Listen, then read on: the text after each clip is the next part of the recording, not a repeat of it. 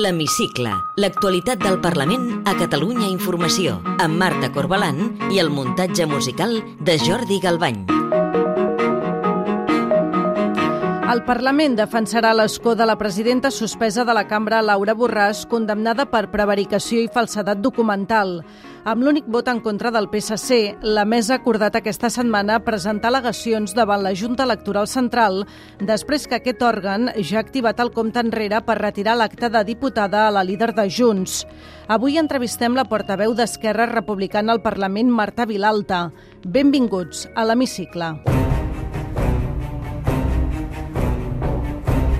La majoria independentista de la mesa, formada per Esquerra, Junts i la CUP, ha votat a favor de presentar al·legacions i defensar l'escó de Laura Borràs, com es va fer amb l'expresident Quim Torra i l'exdiputat Pau Jubillà al·legaran que el reglament de la cambra només preveu que es pugui retirar l'escó quan la sentència és ferma. En el cas de Borràs encara es pot recórrer al Tribunal Suprem.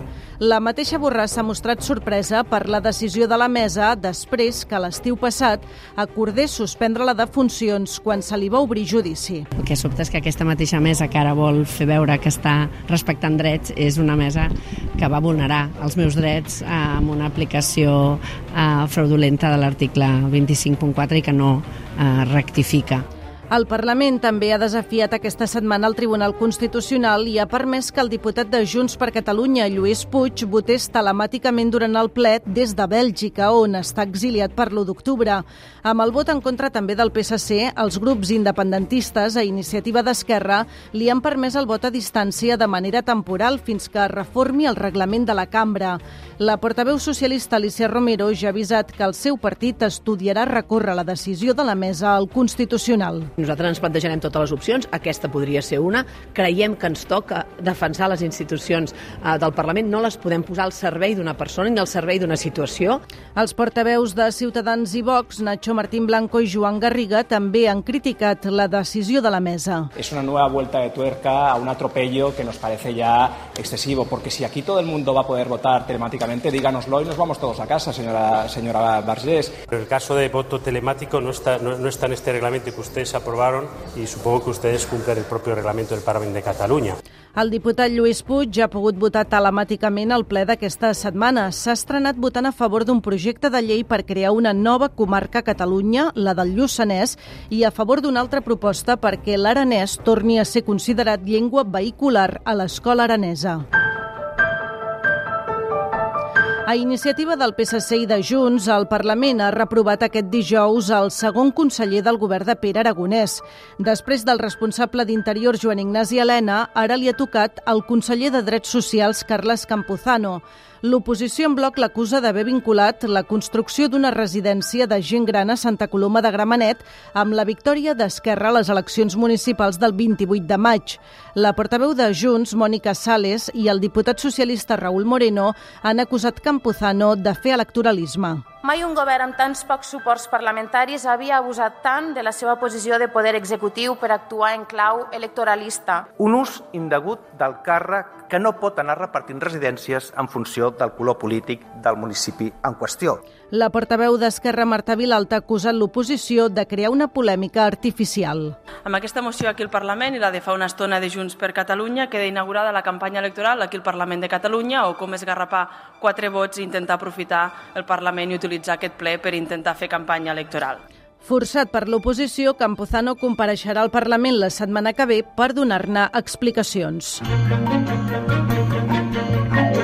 La sequera ha tornat a ser protagonista aquesta setmana al Parlament. El PSC i Junts han presentat diferents propostes per esmenar el decret del govern aprovat fa unes setmanes. Els socialistes volen eliminar les sancions als ajuntaments que no compleixin les mesures antisequera, mentre que Junts planteja establir una moratòria fins a l'1 de juliol. El cap de files de Junts al Parlament, Albert Batet, ha acusat el govern de fer una gestió erràtica de la sequera. El líder del Partit Popular, Alejandro Fernández, també s'ha sumat a les crítiques i el president de la Generalitat, Pere Aragonès, els hi ha demanat que no es faci electoralisme amb aquesta qüestió. El país s'hi juga molt. President, esperem que vostè estigui disposat a moure's i a buscar consens. Si el govern no fa la feina, la farem des del Parlament de Catalunya. Las consecuencias de su incompetencia y populismo ya están aquí. Vaya usted ahora a Tortosa y dígales la verdad, señor Aragonés. Este verano usted va a trasvasar agua del Ebro a Barcelona. Jo el que he demanat des del primer moment en matèria de la sequera és que no ho compartíssim, no ho convertíssim en un pim-pam-pum electoral. I crec que anem pel camí d'acabar-ho convertint, i això no ajuda. Amb el rerefons de la sequera i l'emergència climàtica, els comuns i la CUP han aprofitat per demanar al president aragonès que freni l'arribada de creuers a la ciutat de Barcelona i que no se'n desentengui. Sentim la cap de files d'en Comú Podem, Jessica Albiach, i la portaveu copaire, Eulàlia Reguant. No sabem quin és el seu model, igual que ja ens va passar amb l'ampliació de l'aeroport. Davant del negacionisme climàtic del president del port, que va afirmar que no tenim cap problema amb els creuers de contaminació, hem de tenir clar que els creuers són els responsables del 24% del bastament dels residus al mar i que un sol vaixell té el mateix impacte ambiental que 12.000 cotxes. Aragonès s'ha mostrat obert a limitar el nombre de creuers. Té la paraula Marta Vilalta i Torres, la portaveu del grup parlamentari d'Esquerra Republicana.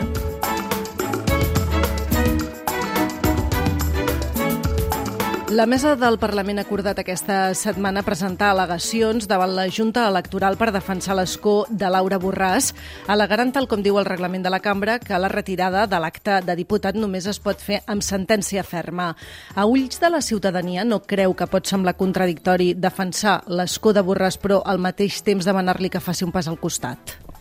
En tots els casos el que fem des d'Esquerra Republicana és defensar el Parlament, la institució, i es defensa la institució, òbviament, amb l'actuació que hi fem, però sobretot defensant la norma que tenim, que és el reglament del Parlament de Catalunya. I per això diem que ens agafem al, Parlament de Catal al reglament del Parlament de Catalunya quan diu que sense sentència ferma doncs, eh, no es pot perdre l'acte de diputada o quan diu que la JAC no hauria d'interferir perquè és un òrgan administratiu. I a la mateixa vegada, al mateix moment, doncs defensem la institució i el reglament del Parlament de Catalunya doncs quan vam utilitzar el reglament eh, per eh, aplicar el 25.4 i per suspendre en aquell cas doncs, la diputada i presidenta eh, Laura Borràs doncs, per un cas greu vinculat a la, a la corrupció. És a dir, des d'Esquerra Republicana el que fem és defensar el Parlament de Catalunya, defensar la seva institució i apel·lar a la responsabilitat política de tots els seus actors. I en aquest cas, doncs, apel·lar a la responsabilitat política de la senyora Laura Borràs, que en el cas en què està, en uh, 21 sentència doncs, vinculada a casos de, de corrupció, nosaltres creiem que per responsabilitat hauria de fer aquest pas al costat perquè sobretot el Parlament, la institució, no quedi tacada per aquesta ombra de la corrupció. Amb aquesta idea de mantenir la unitat independentista, Esquerra eh, s'ha mostrat favorable a facilitar que Junts continuï tenint la presidència del Parlament. Arribat el cas, donarien suport a qualsevol candidat o candidata que plantegi Junts? No es tracta només de qualsevol candidat o candidata o de donar suport eh, pel suport, eh, per nosaltres ens agradaria que aquest moment pogués ser com la primera pedra, pogués ser una oportunitat per tal de refer aquests consensos que hem de refer entre el moviment independentista. Per tant, que sigui aquest moment com una nova oportunitat per parlar, per trobar aquests mínims comuns denominadors, per posar-nos d'acord, evidentment, amb la persona que hauria d'estar al capdavant de la presidència del Parlament de, de Catalunya, però també en aquelles qüestions per tornar a reconstruir doncs, aquest consens necessari dins del moviment independentista. I ho seguirem dient cada dia les vegades que faci falta. No ens podem equivocar d'adversari. La mesa del Parlament ha permès aquesta setmana que el diputat de Junts per Catalunya, Lluís Puig, pogués votar a distància, tot i la prohibició del Tribunal Constitucional que no li permet delegar el vot. Ho ha fet telemàticament des de Bèlgica i ha estat precisament el seu partit Esquerra qui li ha proposat, eh, qui ha proposat, podem dir, la fórmula del vot telemàtic. Quina solidesa jurídica té aquest mecanisme que no està previst al reglament del Parlament? Davant la manca de propostes alternatives i davant d'aquesta sentència i aquesta ingerència judicial, per cert, a instàncies del Partit Socialista de, de Catalunya, doncs hem començat a, a, a imaginar, a pensar i a construir una solució per defensar i garantir el seu dret a vot. I per tant ens agafem novament al reglament del Parlament de Catalunya en el seu article 4.2 quan diu que tots els diputats i les diputades tenen el dret a vot i el dret a votar tant en comissió com en ple. Doncs bé, aquest és un dret superior que creiem que que hem de preservar i malgrat no hi hagi cap altre article que reguli encara el vot telemàtic al nostre reglament aquí al Parlament de Catalunya, creiem que és un bé superior. El dret a vot d'un diputat i diputada, que és el dret a la representació política que té de, de la ciutadania que l'ha votat, a ell i a la resta de, de diputats, doncs el que han votat a ell, doncs eh, creiem que és un bé superior que cal preservar i, i que no podem quedar amb els braços plegats davant doncs, d'una doncs, sentència que li anul·lava una altra fórmula com era la delegació uh, de vot. En paral·lel, perquè sabem doncs, que convé que hi hagi el màxim de garanties, perquè sempre tenim l'espasa de Damocles de la repressió a sobre i de la persecució obsessiva de l'estat espanyol, estem tramitant una reforma del reglament del Parlament de Catalunya perquè això quedi més concretat, perquè encara sigui més garantista, tant pel que fa a millorar les garanties i les concrecions de la delegació de vot, com també del vot telemàtic, entre altres modificacions. Per tant, esperem doncs, que ben aviat puguem tenir aquesta reforma del reglament i emplacem doncs, a Junts per Catalunya que hi pugui donar suport a aquesta reforma que vam presentar conjuntament la CUP i Esquerra Republicana. Canviant de tema, el president Pere Aragonès ja ha posat a caminar l'anomenat acord de claredat, el mecanisme que ell defensa per intentar resoldre el conflicte polític entre Catalunya i Espanya. Aquesta setmana s'ha reunit amb els acadèmics que l'assessoraran i, entre altres qüestions, els hi ha preguntat si hi ha alternatives a un referèndum per aconseguir la independència.